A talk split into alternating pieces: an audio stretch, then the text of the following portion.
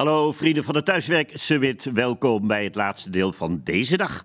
Uh, we gaan het weer hebben over effectief en vooral veilig hybride werken. Nou, dat doen we natuurlijk met een uh, aantal sprekers. En we hebben vandaag twee specialisten aan tafel. En die ga ik even heel kort uh, aan jullie voorstellen. Aan mijn linkerzijde zit Sjaak, Sjaak Schouteren van Mars. Even Sjaak, Mars, wat doet Mars precies? Uh, Mars is een risicoadviseur, dus wij helpen onze klanten met het uh, kwalificeren, uh, kwantificeren en managen van risico's. Juist. En ik doe dat op cybergebied. Juist, nou dat is heel kort en krachtig ja, en duidelijk. Ja. En dan tegenover je Jelle, Jelle, niemands verdriet van Microsoft. Ja, ik ga niet zeggen wat doet Microsoft, ja, nee, inderdaad, maar, dat... maar wel wat doe jij bij Microsoft? Ja, ik ben uh, National Security Officer. en dat betekent dat ik eigenlijk Microsoft vertegenwoordig naar ja, de buitenwereld, zou je kunnen zeggen. Dus naar onze klanten, naar partners, naar de overheid. Uh, met nou, vraagstukken op het gebied van cybersecurity. Ja. Nou, ja, jullie zijn dus eigenlijk alle twee best wel specialisten op dat gebied. We komen elkaar ook uh, vaak ja. tegen. Ja, is dat zo? Ja, het is een klein wereldje. Ja, ja, ja. En waar kom je elkaar dan tegen? Op congressen of zo? Of hoe moet je dat voorstellen? We hebben net een, uh, samen een claims report uitgebracht, waarin we kijken naar claims op cybergebied en waar wij de expertise van, nou, van Jelle en Microsoft vragen van, zien jullie hetzelfde als wij? zien jullie andere dingen? En dan ook wel echt van elkaar leren. Ja, ja, wat gaaf. Nou, leuk dat jullie elkaar hier aan de tafel dan weer ontmoeten. Uh, vrienden thuis, even voor jullie. Uh, dit is heel belangrijk.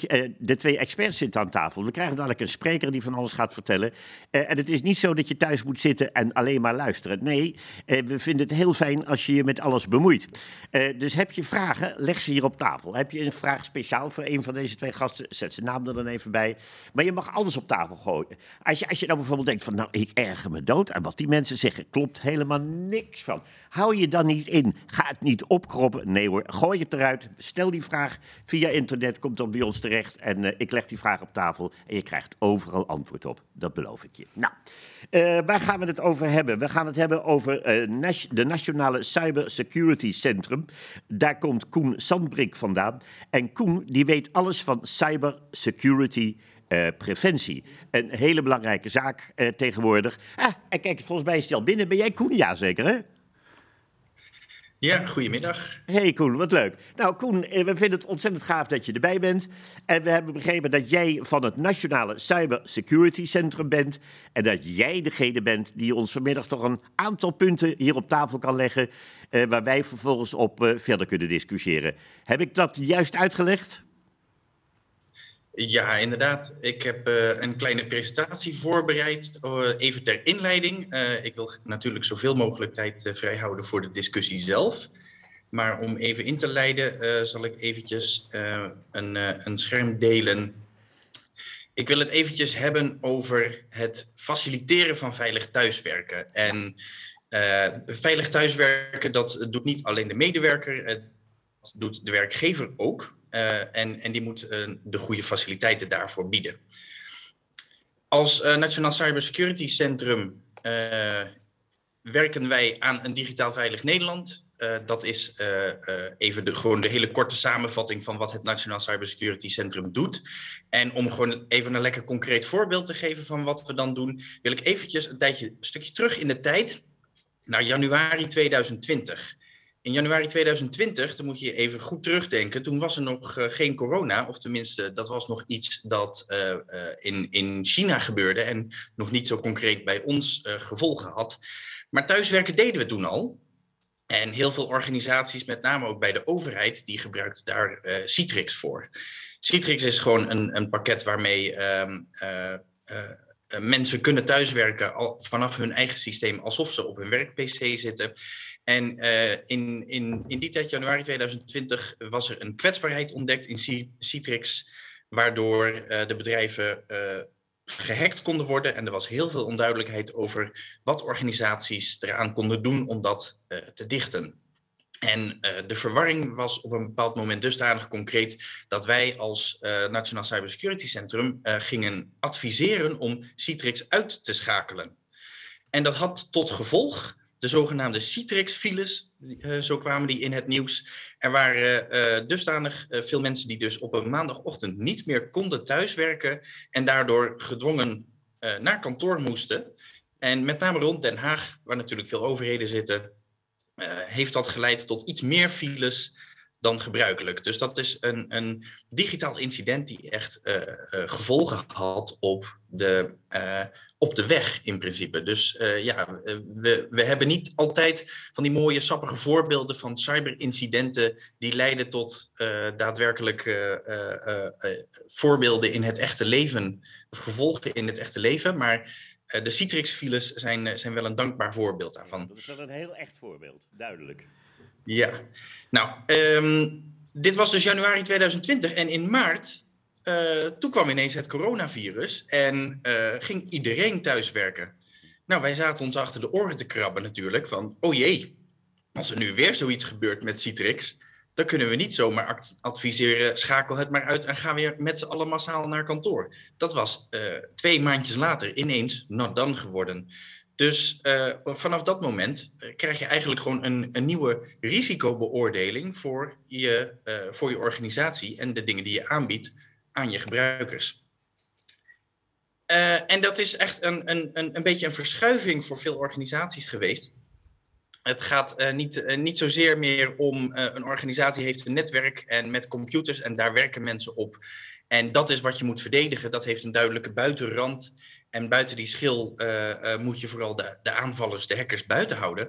Ineens komen je medewerkers van buiten en heb je een, een, totaal ander idee van hoe je je, je bedrijfsomgeving moet beschermen.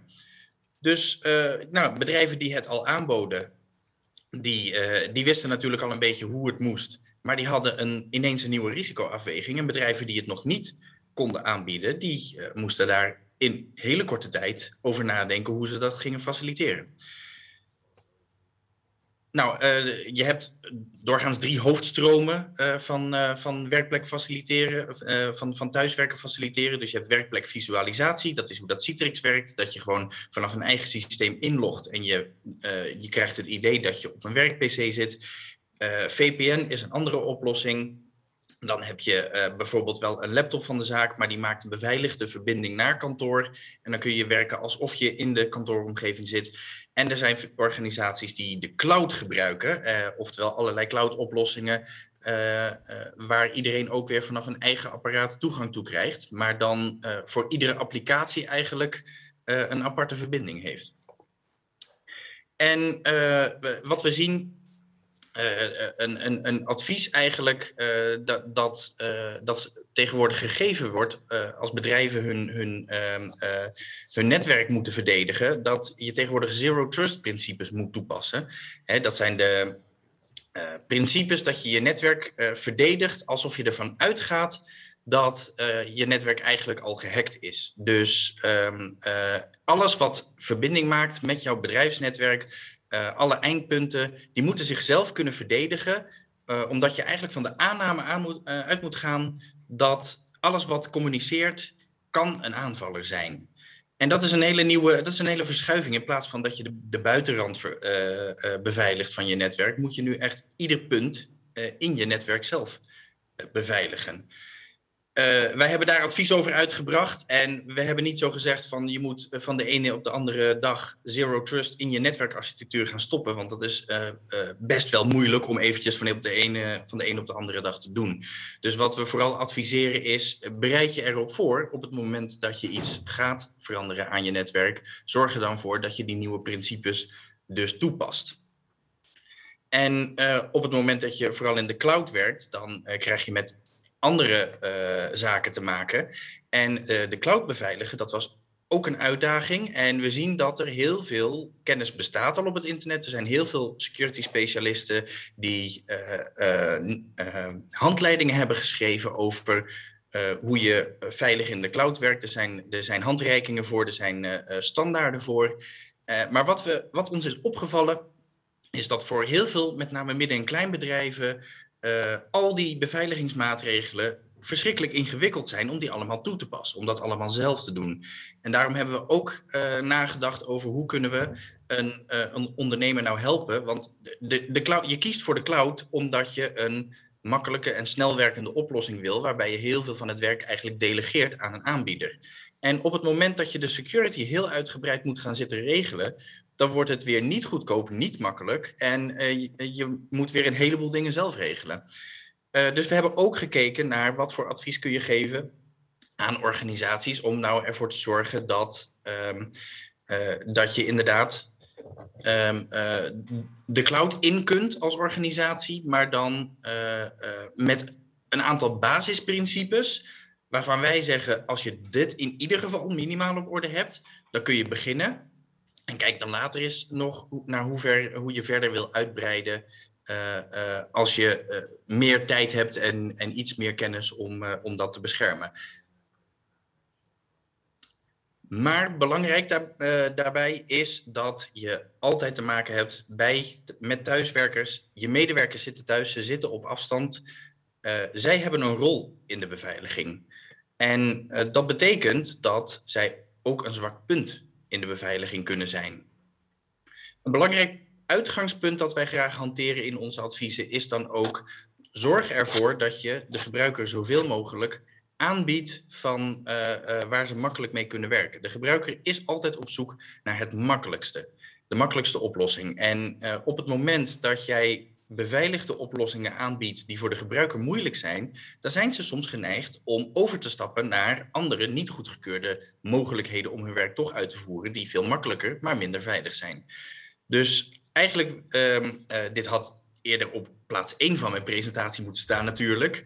Zorg ervoor dat je uh, uh, een, op een makkelijke manier het thuiswerken faciliteert, zodat de gebruiker de makkelijke en dus ook de door jou beheerste veilige manier kan gebruiken en niet zelf kiest voor eventueel onveilige uh, oplossingen.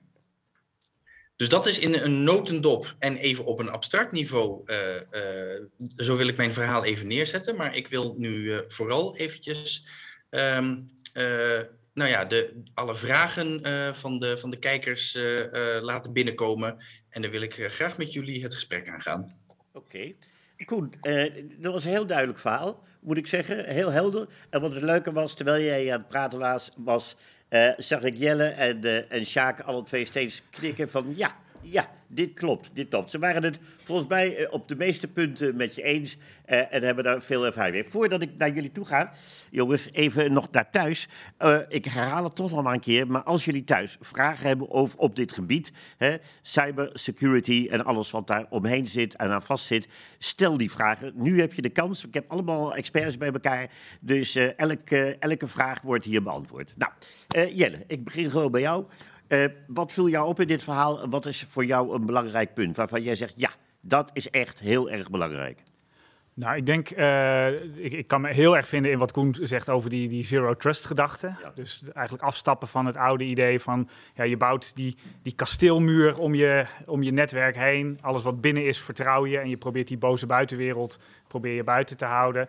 Um, ja, we zitten letterlijk niet meer allemaal in dat kasteel. Nee, die die gaat omhoog. Precies, en we controleren wie er overheen komen. Ja, ja dat, dat is gewoon uh, enerzijds door, dus door dat soort diensten als cloudomgevingen uh, is dat eigenlijk niet meer een haalbare aanpak. Ja. En dat thuiswerken heeft dat natuurlijk nog veel meer versneld. Dus ja. Dat, uh, en ik denk, ik vond het wel mooi. Koen had die, die, die slide met die uh, uh, telefoons die als domino-steentjes ja. stonden. Ik gebruik ook vaak do domino, die domino-recordpogingen ja. om Zero Trust te illustreren. Want wat ze daar heel mooi doen, is eigenlijk dat die gedachte uitvoeren, wat Koen zei, ga ervan uit dat het misgaat. Ja. Want weet je nog, als je die, je had die, die, vaak die hal in Leeuwarden volgens mij, dan bouwden ze al die velden op. En wat ze daar precies deden, was ervan uitgaan dat natuurlijk een, een, keer kan gebeuren dat er een vrijwilliger of er was een keer een mus naar binnen, ja. die stoot zo'n steentje aan en dan begint die recordpoging te ja. vroeg. En wat ze daar natuurlijk heel goed doen is ja, dan even een paar steentjes overslaan, zodat als het een keer misgaat, uh, ja, dat valt er beveiliging valt misschien een klein stukje van het veld om, maar niet meteen die hele zaal vol. En ja. eigenlijk is dat precies wat je in die zero trust gedachte ook doet. Je gaat ervan uit dat één laptop misschien wel een keer geraakt kan worden, ja. maar je bouwt als het ware digitale branddeurtjes daaromheen, ja. die er dan voor zorgen dat je niet meteen de dag daarna op de voorpagina van de krant staat, uh, omdat dat zich ja, als een soort veenbrand uh, over je hele netwerk verspreid heeft. Ik hoorde ook één ding zeggen.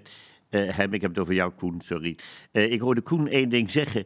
Uh, de zwakste schakel. Is de zwakste schakel altijd de mens? Ja, ik vind het een.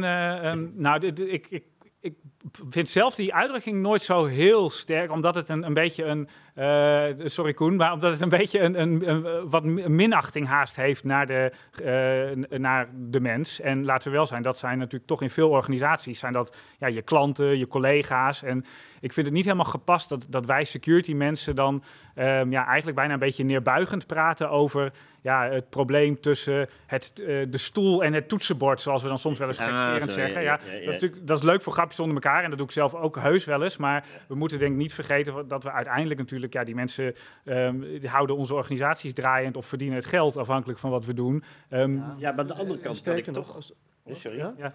Uh, want ik vind het ook een beetje balinerend inderdaad. Ja, nee, precies. En je zorgt ervoor dat het een IT-issue blijft, security. Terwijl je wil juist dat iedereen een bewustwording heeft. Dus als jij steeds zegt, ja, maar Jelle, de medewerker, doet alles fout en ik moet dat al elke keer weer oplossen, dan zal Jelle, de medewerker, ook nooit denken, ik ga eens meedenken. Als ik bijvoorbeeld een mailtje zie wat ik niet vertrouw, ga ik die deleten of meld ik het aan IT? niet door het door te mailen, maar gewoon om het te melden veel, ik zie iets geks. Als ik dat zie, dan zien misschien andere mensen het ook nog wel. En wat je heel veel ziet bij organisaties, inderdaad, is inderdaad wat jij ook zegt, die stadsbuur die ze willen bouwen vanuit security. Maar je wil juist dat het een gedeelde verantwoordelijkheid wordt. He, dus dat HR meedenkt, dat de CFO meedenkt, juridische afdeling, maar ook de medewerkers op de werkvloer. Ja. Koen, uh, ja. reageer eens.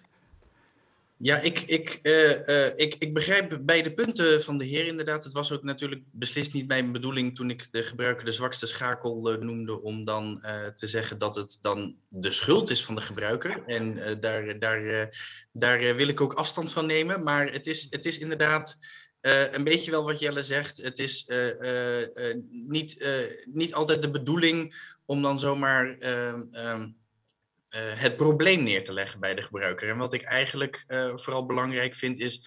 Haal het probleem zoveel mogelijk weg bij de gebruiker. En zorg ervoor dat je die gebruiker juist empowered, om maar even een modern woord te gebruiken, om, uh, uh, om zijn werk zo veilig mogelijk te doen. En uh, dat, dat, dan, dan krijg je echt die, die betrokkenheid van de gebruiker ook. En Koen, dat, dat is denk ik ook, hè, dat is dus aan de ene kant dus de technologie makkelijker maken, dat je het makkelijker kan bewerkstelligen. Bijvoorbeeld uit eigen praktijk, hè, wij, hebben, wij mogen niet zomaar heel veel foto's versturen over de e-mail, want daar zit een beperking op, aantal MB. dan moet ik dus eigenlijk voor een klant moet ik dan een soort SharePoint-omgeving maken dat is lastig. Dus wat je dan gaat zien, is dat de klant of dat de medewerker uh, naar zijn Gmail dingen gaat versturen en dan via een Dropbox. En dan heb je twee datastromen die lopen. Dat wil je natuurlijk ook niet hebben. Dus dat zijn wel dingen waar je rekening mee moet houden. En misschien ook de medewerker meer meenemen in waarom we die security maatregelen nemen. Want wat ik heel vaak merk, is dat uh, uh, bijvoorbeeld sales, wij doen dan risk assessments en dan heeft, heb je aan de ene kant IT die we ondervragen en aan de andere kant sales. Maar als we die bij elkaar brengen, dan hoor je sales opeens zeggen: Oh, maar nou snap ik ook waarom we die maatregelen maken. Om juist de klant te beschermen. Ja, maar dan wordt het een, een business enabler in plaats van een uh, business uh, stopper. En dan begrijpen ze het ook beter waarom die maatregelen zijn. En dan kunnen ze het ook beter aan de klant uitleggen. Ik denk dat daar ook nog wel een hoop te winnen is. Ja. En er komt even de vraag tussendoor, die is voor ons allemaal. Dus luister, is van Charles. Charles, uh, dankjewel voor die vraag opsturen. En mensen thuis, doe dat ook. Wees ook een Charles en stuur vragen op. Uh, Charles zegt, uh, hoe ziet een zero trust procedure eruit? En is hier een handboek voor? Wie wil? Nou, ja, in eerste instantie is sowieso Koen gaf al aan dat het, dat het uh, Nationaal Cybersecurity Centrum heeft hier een, een whitepaper over geschreven. Yeah. Dus ik denk dat dat een, een goede uh, ja, neutrale bron ook is om ja, uh, te ja, beginnen. Um, als je, ik, ik, weet in ieder geval voor Microsoft hebben we ook een, een, hele verzameling documenten hierover. Want het is ook de aanpak die wij zelf intern gebruiken en waar we juist ook klanten heel erg bij proberen te helpen. De, die kun je ja, het, het, makkelijkst, of denk ik even vinden door te zoeken op Zero Trust Microsoft. Of uh, de, we hebben ook aka.ms eh, en dan schuine streep Zero Trust. Dan kom je er ook. Nou, als, Nog één keer voor Charles, want die dus, zit thuis, ja, dus die zit te schrijven. Dus het is aka.ms en dan schuine streep Zero Trust. Mm En nou, da daarmee komt hij op een pagina waar dus inderdaad precies dingen staan als een uh, een soort, soort ins, uh, inschattingsmodel van hoe ver ben je in dat uitrollen van Zero Trust. en ook een soort stappenplan wat je kan gaan doen. En ja. ik denk dat het goed is om daarbij wel te benadrukken dat het juist ook gaat over niet-technische aspecten. Zero Trust is niet een, een, een, een, programmaatje of een instelling die je even aanzet, maar is juist ook een manier van naar het probleem kijken, ja. Waar technologie bij helpt. Maar het begint met ja, een bepaalde manier van naar het een probleem. Een bepaalde manier van denken en de techniek kan je daarbij helpen. Precies, en dat staat dus ook zeker in die stappenplannen uh, van, van NCSC en van onszelf staat juist ook die, die aanpak meer centraal dan welke tooling heb je daar uiteindelijk ja. bij nodig. Uh, Koen, heeft Jelle dat goed uitgelegd? Ja, ja, dat klopt inderdaad. Die, die van ons die is op ncsc.nl te vinden. Nog één keer. Kan ik meeschrijven? op ncsc.nl. En dan kun je doorklikken naar de publicaties. Uh, dat is, uh, onze, onze publicatie is daar inderdaad vooral een inleiding op. En uh, het, het werk van, van Microsoft heb ik ook gezien inderdaad. En dat, dat kan ik ook zeker, zeker aanbevelen. Oké, okay, nou, dat is heel duidelijk. Um, goed, andere punten uit, uit, uit Koens um, verhaal. En kom ik maar even bij jou, Sjaak. Uh, dingen waarvan je zegt, nou dat vind ik belangrijk om dit nog even aan te stippen? Nou, ik, ik was vooral heel benieuwd. Uh, nou, jullie kijken dat Zero Trust model, dat, dat snap ik. Hè? Maar hoe kijken jullie beide dan aan tegen wat ik vaak zie bij organisaties, ze weten niet waar te beginnen. En wij dan zeggen dan altijd van, ga dan eerst met elkaar om tafel zitten, gewoon met een paar functionarissen binnen de organisatie. En ga kijken waar zitten onze kroonjuwelen. Want uiteindelijk, ja, Zero Trust in één keer doorvoeren is denk ik lastig. Hè, met, met wat je net zei, met segmentering, dat soort zaken. Dus je kan niet alles 100% veilig hebben, maar dan moet je ook wel weten waar je op moet focussen. En dat zie ik bij veel klanten bij ons, dat we ze daar echt mee eigenlijk aan de hand moeten nemen om te kijken, oké, wat zijn nou echt je kroonjuwelen? Dus ik ben benieuwd hoe jullie daar kijken en komt dat dan ook voor in het handboek of wat zijn jullie ervaringen daarmee? Uh, ja, ja, ja. Um, nee, ja, ik denk dat dat precies dat wat je zegt van ga nou samen zitten. Ik denk dat alleen dat al altijd een hele goede stap. Even los van of je zero trust of misschien meer traditionele security wil bereiken. Want wat je daar heel mooi mee krijgt, is dat je die ja, vaak wat oude tweedeling tussen je hebt security en de business, alsof je verschillende belangen hebt. Uh, ja, die, die gaan letterlijk bij elkaar aan tafel zitten uh, en ja, gaan samen praten over uh, ja, hoe, wat is inderdaad belangrijk voor ons. En als je dan de juiste vragen stelt van goh, als onze data, ehm, eh, als onze systemen nou gegijzeld zijn en we moeten losgeld betalen, wat zouden we dan als eerste weer online willen hebben? Uh, wat hebben we echt nodig om te kunnen overleven als bedrijf? En ja, dat, door dat soort gesprekken samen te voeren, ja, kun je heel goed die prioriteiten gaan, uh, gaan vastleggen. Dat, uh, je, leest, of, ja, je leest er de laatste tijd best wel veel over. Hè? Bedrijven die gegijzeld worden en losgeld moeten betalen. Niet iedereen wil dat naar buiten brengen, maar goed, af en toe komt het naar buiten. ik ben een leek. Vertel mij, wat gebeurt er dan als je gegijzeld wordt? Ja, dus eigenlijk um, wat, er, wat er gebeurt is dat uh, een, je, je, computer uh, wordt eigenlijk uh, ja, versleuteld. Dus ja. de data die daarop staat wordt onleesbaar gemaakt. Ja. En de sleutel, om het weer te ontsleutelen, heb jij niet. Dus die heeft de crimineel. Dus je kan zelf niet meer bij je bestanden. Uh, en dan wordt er, uh, wordt er losgeld gevraagd om weer bij die bestanden te kunnen. Ja, ja om die sleutel terug te krijgen. Ja, dus dat is de eerste stap. Um, dat zou je nog kunnen zeggen van ja, maar je hebt toch altijd een backup. Ja. Uh, kun je die toch gewoon terugzetten. Ja. Um, nou, dat is in, in sommige gevallen is dat dan inderdaad de oplossing. maar is dan die informatie bij die boef? Bij, bij de nou, precies. Dat is natuurlijk, want die, die boeven zijn ook niet gek. Die hebben nee. op een gegeven moment ontdekt, ja, wacht even, iedereen heeft een backup. Heeft een backup. Is ook nog vaak best wel lastig, want één laptop terugzetten van een backup is nog wel te doen. Moet je er honderdduizend doen, ja. is het ineens een heleboel werk. Uh, of kan het misschien niet eens met uh, hoe je dat technisch geregeld hebt. Maar inderdaad, criminelen niet voor één gat te vangen, die door nu versleutelen. En hebben daarvoor het versleutelen ook de data al gestolen. Ja. En dan word je eigenlijk dubbel afgeperst. Je moet betalen om het ontsleuteld te krijgen.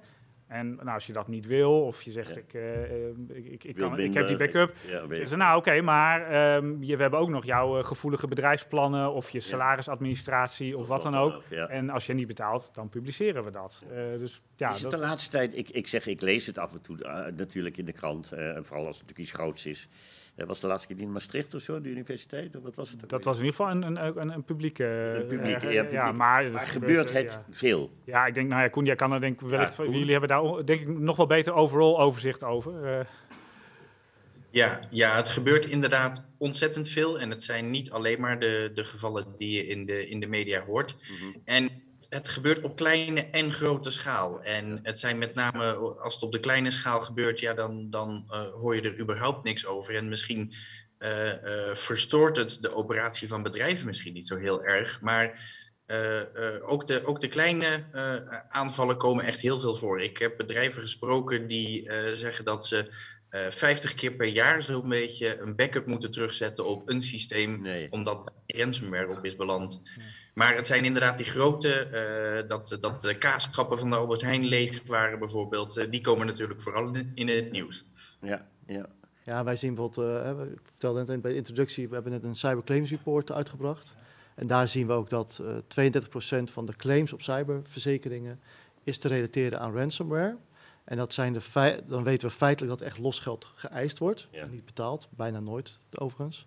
Dus dat is wel goed. Is zo? Wordt er bijna nooit betaald? Wij op verzekerde claims. Ah, oh, oh, zo, dus oh, zo, ja, ja, ja. ziet is veel breder dan wat wij zien. Wij zien alleen maar... Ik bedoel, wordt er wel betaald aan de, aan de misdadiger, om het maar even zo te zeggen? Onder de claims die wij zien op cyberverzekeringen in continentaal Europa zijn ze, denk ik, op één hand te tellen. En dat komt omdat op een cyberverzekering zit ook een incident response. Ja. En daar komen dus experts, forensische IT-experts, uh, PR-ondersteuning, juridische ondersteuning. En dat zorgt ervoor dat je als klant niet meteen met de rug tegen de muur staat. Zoals sommige mensen zonder die, die, die technische expertise die ze dan of ad hoc moeten inkopen of gewoon niet voorradig kunnen hebben. Uh, dat wel hebben. En dat zorgt er, is onze analyse in ieder geval voor, dat ze minder uh, vaak losgeld moeten betalen. Ja. En als het gebeurt is het altijd echt als laatste redmiddel. Ja. Maar dat is echt op, op vingers ja. in hand te tellen. Oké, en, en dan nog iets.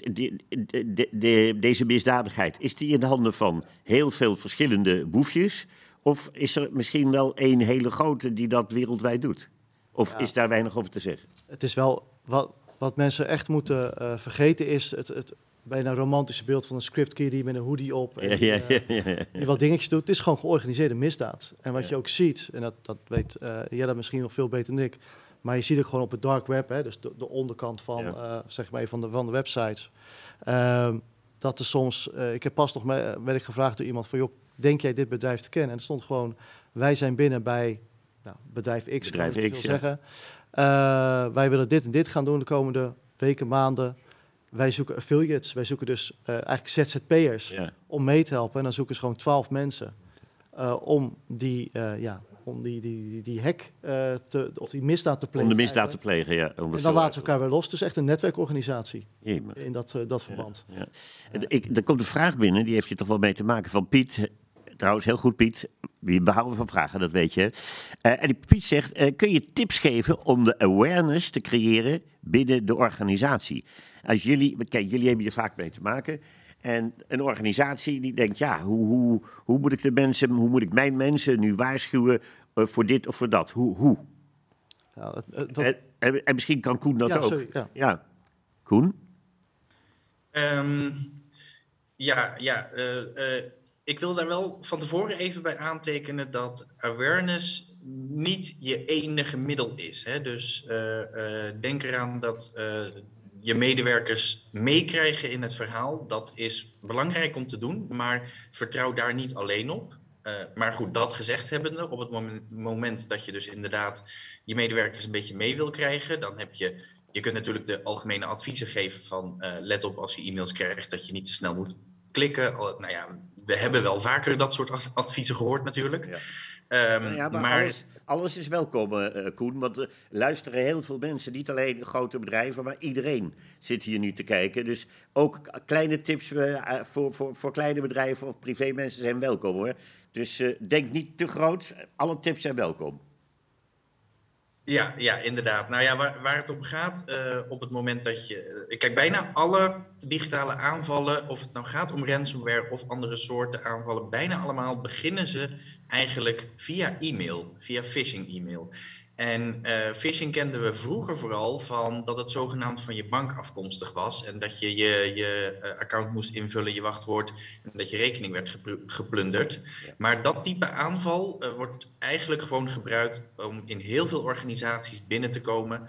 En soms gaat het gewoon heel algemeen. Dan sturen ze een e-mail naar een heleboel adressen binnen een organisatie. En als er één iemand is die toevallig op de link klikt, dan, dan zijn ze misschien binnen.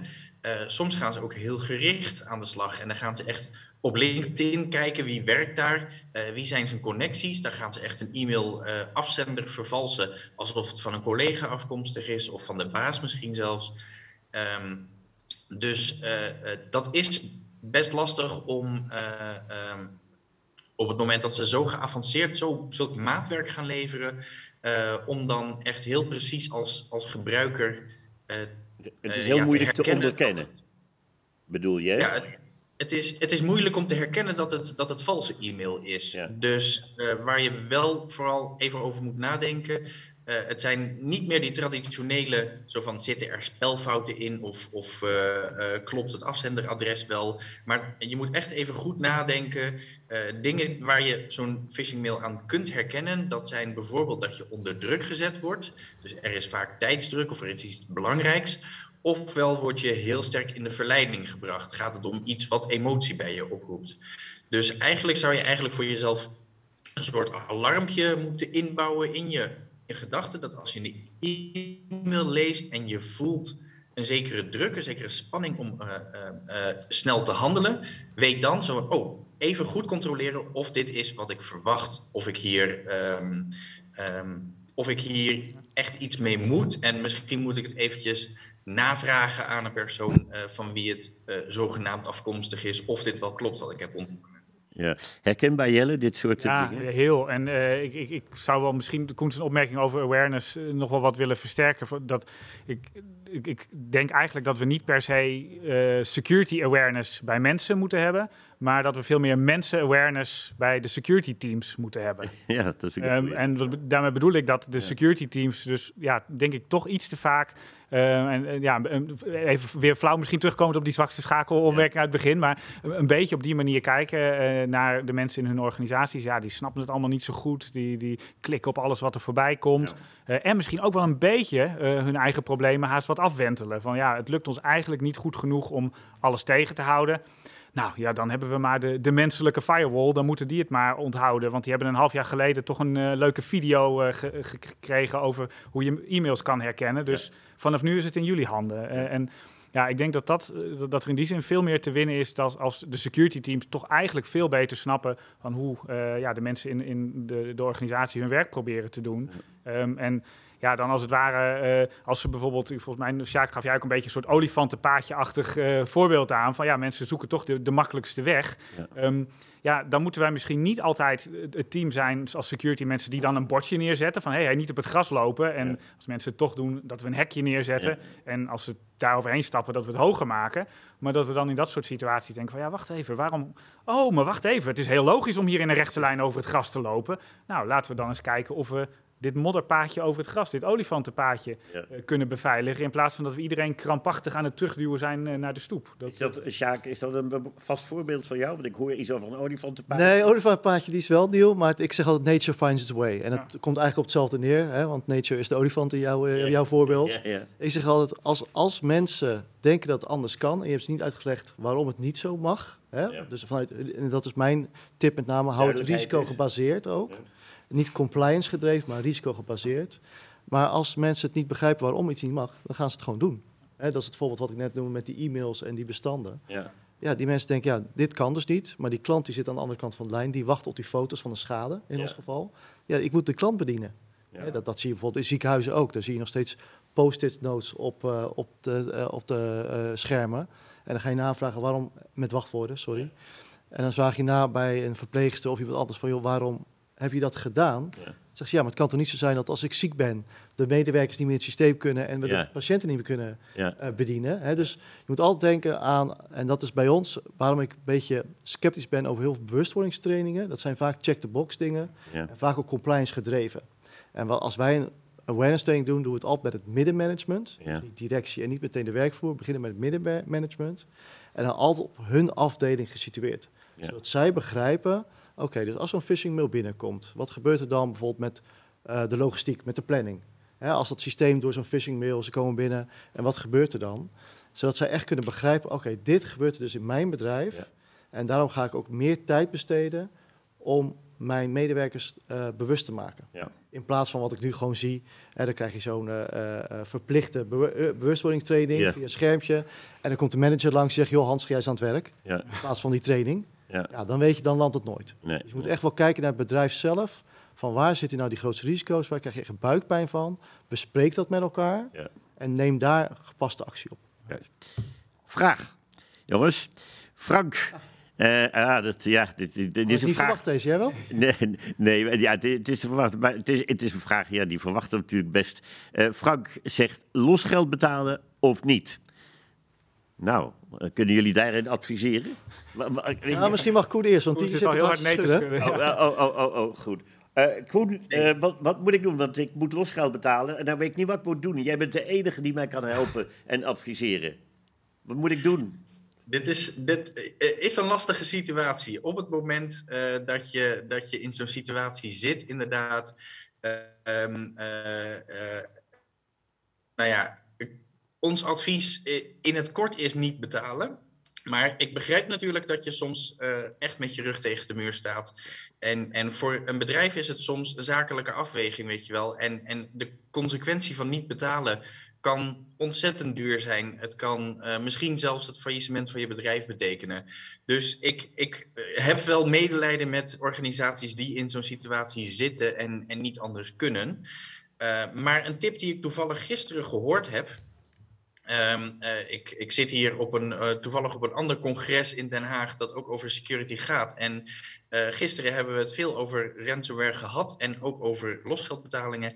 En een van de sprekers hier die zei, ga altijd in onderhandeling met de crimineel. Uh, zij uh, willen het liefst natuurlijk dat je wel betaalt. Op het ja. moment dat je de deur echt in hun gezicht dichtgooit, dan zit je zelf misschien met een groot probleem. Maar dan geven zij alle hoop ook op dat ze ooit geld van jou krijgen. En uh, op dat moment kom je ook niet verder. En op het moment dat je in onderhandeling gaat, ja, het, het klinkt gek natuurlijk, onderhandelen met criminelen. Maar zie de stap naar onderhandeling nog niet als een stap naar betaling. Je kunt altijd uh, kijken of je misschien gewoon een zielig verhaal op kan hangen. En wie weet, uh, uh, als, je, als je bijvoorbeeld kunt uitleggen dat er echt mensenlevens afhangen van, van systemen die nu geblokkeerd zijn. Misschien halen ze dan hun hand over hun hart en willen ze je, je losgeld kwijtschelden. Dat is wel eens voorgekomen. Kan geen garantie zijn, nee, maar, maar onderhandelen kan sowieso geen kwaad. Nee, maar jij zegt nu iets, en dat verbaast me toch wel een beetje iemand hangt een zielig verhaal op en het wordt teruggetrokken. Dan is dat dus een hele gevoelige uh, crimineel, lijkt mij. Uh, die twee dingen gaan vaak niet samen, lijkt mij. Want, nee, dat leek mij eerst. Ja, ja. En, en uh, uh, dat, dat leek mij eerst ook niet. En, en wat we in de praktijk toch wel zien is dat uh, um, criminelen bijvoorbeeld geen fysieke schade of slachtoffers op hun geweten willen hebben, überhaupt.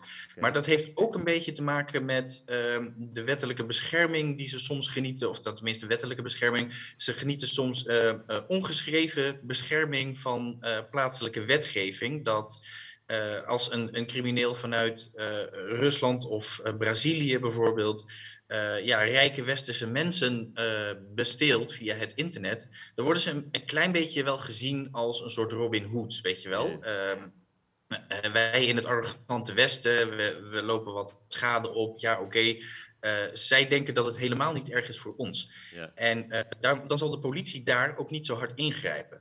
Maar op het moment dat er hier ook daadwerkelijk slachtoffers vallen of, of echt maatschappelijke consequenties zijn, ja, dan komt er natuurlijk een juridisch hulpverzoek uh, bij de plaatselijke justitie van dat land. En dan worden die criminelen misschien wel achtervolgd. Ja, dus dat... ik, de, ja, ik denk dat dat laatste het belangrijkste is. Het businessmodel moet gewoon blijven draaien. Dus wat criminelen doen, het is georganiseerde misdaad. Die zeggen Doe maar geen uh, uh, gevoelige politieke zaken. Hè? Uh, geen politie, geen legeraanvallen. Liefst ook geen ziekenhuizen. We hebben in Duitsland wel vorig jaar, twee jaar geleden, een dode gehad door een ransomware aanval. Ja, dat levert zoveel op en dat levert ook zoveel politieke druk waarschijnlijk ook op naar die landen toe. En een crimineel denkt gewoon heel simpel: hoe kan ik zoveel mogelijk geld verdienen, zo efficiënt mogelijk? Ja. Dus wat ze ook doen, en daar ben ik niet helemaal eens met het zielige verhaal, ze kijken ook gewoon naar jaarverslagen. Ze gaan kijken, ja, wat is jouw omzet? Nou, 1, 2 procent kan ik wel vragen. Want okay. dat, dat trek je wel, hè? die marge. Dan ben je niet failliet. En dat is de onderhandeling waar je zit. Uh, even antwoord op de vraag. Nee, yeah. niet betalen. Tenzij als alle, allerlaatste redmiddel. Dus als echt je business continuïteit op, prijs, op, het, uh, op, het spel staat. op het spel staat. En dat hebben wij bij een klant bijvoorbeeld gehad. Dat zeg ik altijd ook de IT'ers als ze zeggen ik ga nooit betalen.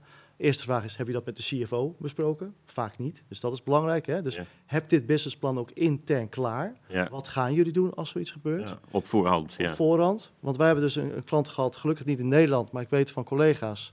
Uh, MKB-bedrijf, man, heel principieel de baas. Ik zei, die zei, je gaat nooit betalen, had geen cyberverzekering. Ja, uh, failliet. Dat betekent wel 60 uh, kostwinners waarschijnlijk op straat. Ja, dan, dan is dat natuurlijk die principe kwestie is heel relevant, maar wat zijn je principes naar die 60 gezinnen toe? Ja. Dus het is echt niet zo makkelijk als je soms hoort in de, in de pers van, eh, oh, je moet nooit betalen. Nee, ja, dat is makkelijk op afstand te zeggen. Precies. Maar als je zelf in de schoenen van die Ja. persoon staat, is het toch even anders. Ja. Dat En, ik eh, en jij had vorige week volgens mij, toen wij elkaar spraken in een ander eh, format, een heel mooi voorbeeld over die, dat die slachtoffers van ransomware ook vaak gewoon een soort terechtgesteld bij media worden. Ja. Terwijl andere, dat zie je Ja, bij andere eh, dat- slachtoffers niet. Dat, ik denk dat dat, dat misschien een klein beetje een zijspoortje, maar dat is inderdaad, vind ik in het algemeen bij eh, cyberincidenten nog wel opmerkelijk. Dat je ja, toch vaak een beetje de. We hebben nog best wel een beetje de neiging om het slachtoffer de schuld te geven. Ja. Eh, ik vergelijk ook wel, de, het was begin van dit jaar met die, eh, of, of, met die corona-rellen. was er zo'n zo'n een boekhandel of een tabakswinkel ergens in Breda, geloof ik, die helemaal in elkaar geslagen Ja. eh, was, helemaal vernield. Eh, nou, daar stond iedereen. Denk ik terecht sympathiek met, eh, met de pet klaar en Ja. allemaal geld opgehaald om die, die, die winkelier te helpen. Ja. Ehm, als er eh, een bedrijf gehackt wordt, dan staan we eh, ja, bijna met de digitale rotte eieren en tomaten klaar om te veroordelen wat zo'n bedrijf allemaal misgedaan heeft. Terwijl in beide gevallen, ja, je bent toch het slachtoffer van criminelen. En tuurlijk, er zullen vast altijd dingen zijn waarvan je achteraf kunt denken, dat had je misschien beter kunnen Ja, doen. Maar ja. ehm, Maar dat geldt voor, voor alle dingetjes Ja. in het leven. Van, ja, Dus ik denk inderdaad daar ook dat we dat het, het is precies wat je zegt. Het is makkelijk om achteraf of van de zijlijn te zeggen van wat, eh, wat had je dit slecht geregeld of waarom eh, betaal je nu die criminelen en nu hou je dit businessmodel in stand. Maar ja, laten we ook niet vergeten, in de eerste instantie hebben we hier gewoon te maken met slachtoffers van, van criminaliteit. En ja. moeten we ook een beetje sympathie eh, eh, tonen. En jij noemde volgens mij in het begin het eh, Maastricht Universiteit. Ja. Nou, dat is nou een heel mooi voorbeeld, vind ik persoonlijk, waarin ze ons hebben meegenomen. Die zijn heel eh, transparant geweest wat er is gebeurd en waarom ze de afweging hebben genomen om zaken wel of niet op Ja. een bepaalde manier te doen. Ja, dat, dat levert volgens mij ook heel veel goodwill op, Ja. eh, zowel intern als met je stakeholders. En dat, dat zijn wel mooie dingen. En dat krijg je alleen maar dat naar voren als je ze niet allemaal wegzet als, oh jullie hebben iets doms gedaan, Ja. maar echt gewoon meer empathie voor de Ja. slachtoffer te hebben. ja. Mee eens, Koen? Ja, ja, inderdaad. Eh, dat eh, ehm, eh, zowel wat, wat Jelle als wat Sjaak zeggen, inderdaad, allebei mee eens. En, en het, is, eh, het, het is soms moeilijk genoeg. Ja. Dus eh, ehm, eh, ik, ik zou er ook niet. Eh, Eh, Koen, je valt even weg, we kunnen je niet horen. Op, ik zie je wel, ik zie dat je praat, maar ik hoor je niet. ik probeer het nog eens. Ja, daar, ben je weer. Oké, ja, nee, ik, eh, ik, ik, ik was aan het zeggen dat ik het zeker met, met de beide heren eens ben. dat, ja, en, en dat ondernemers het, het echt moeilijk kunnen hebben op het moment dat ze aan de deur staan. En, en digitale beveiliging is moeilijk genoeg. En zeker als je er niet heel veel verstand van hebt en als je niet de expertise in huis hebt. En wat dat betreft is het ook gewoon echt een jong werkveld dat, waar nog heel veel in moet gebeuren om het, om het beter te krijgen. Ja, ja want goed, vaste antwoorden zijn niet. Wat ik wel mooi vond, wat je net zei, wat je vanmiddag zelf gehoord had, onderhandelen.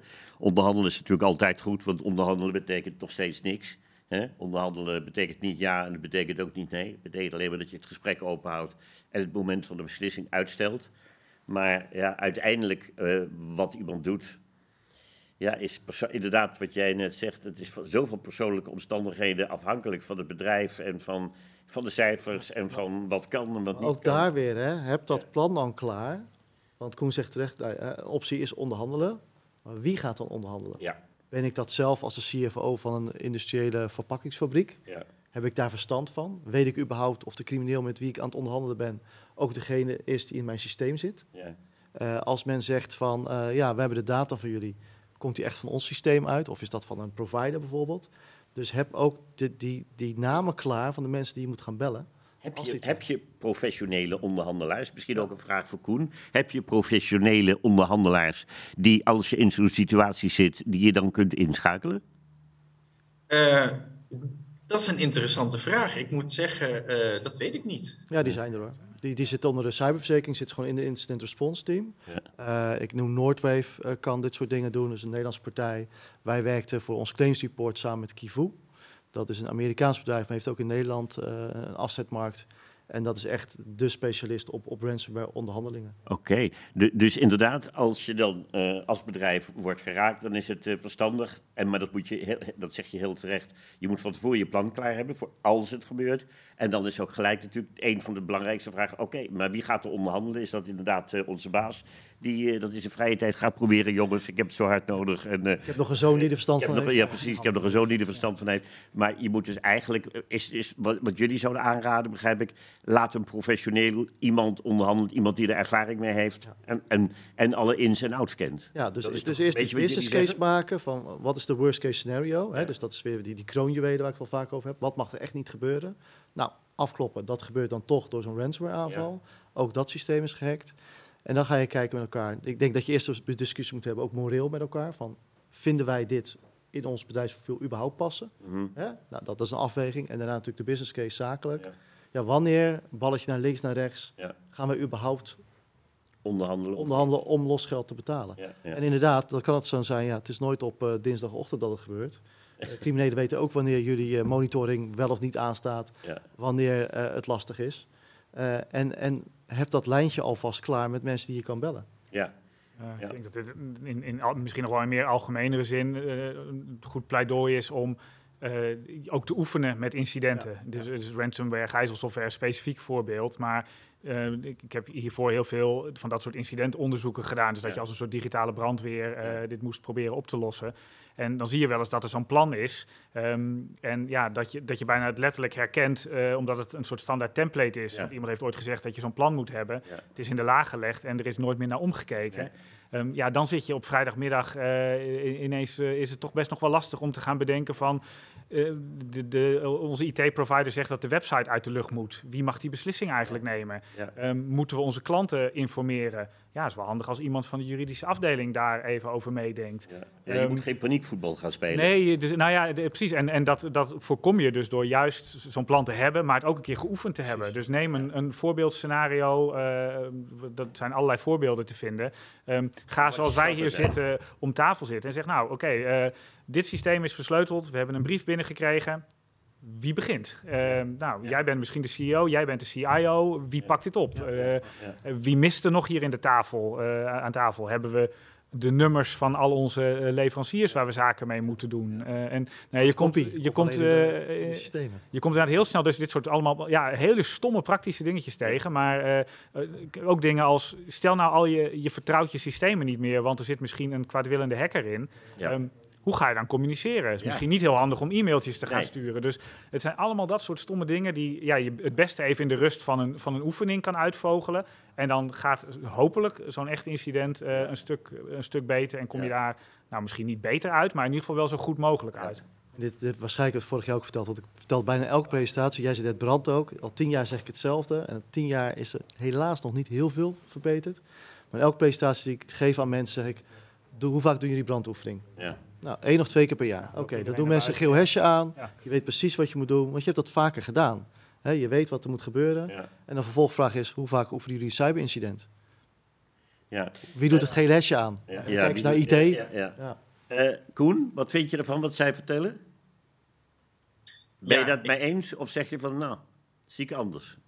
Ik, ik zou zeker ook inderdaad uh, uh, uh, het belang van oefenen willen onderschrijven. En um, één keer per jaar is, is ook denk ik wel een, een, een goede frequentie. Um, en wij hebben als Nationaal Cybersecurity Centrum ook grote nationale oefeningen en soms internationale oefeningen. Die doen we ook zo'n beetje jaarlijks. En ik denk dat het eigenlijk op, op ja, incidenten van iedere schaal en op ieder niveau zou ik jaarlijks wel, wel een goede frequentie vinden eigenlijk om een oefening te houden. Dus van kleine incidentjes uh, tot, tot grote landelijke storingen. Ja.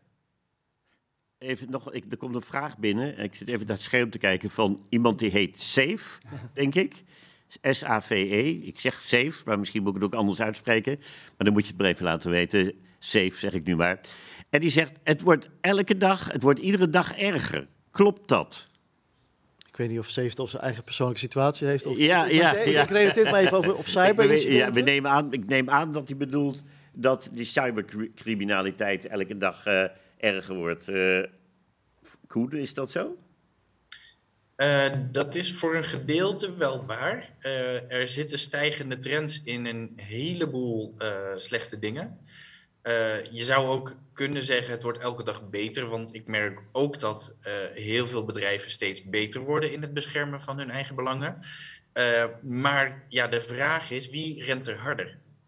Zijn het de aanvallers of de verdedigers ja. die die wedstrijd aan het winnen zijn?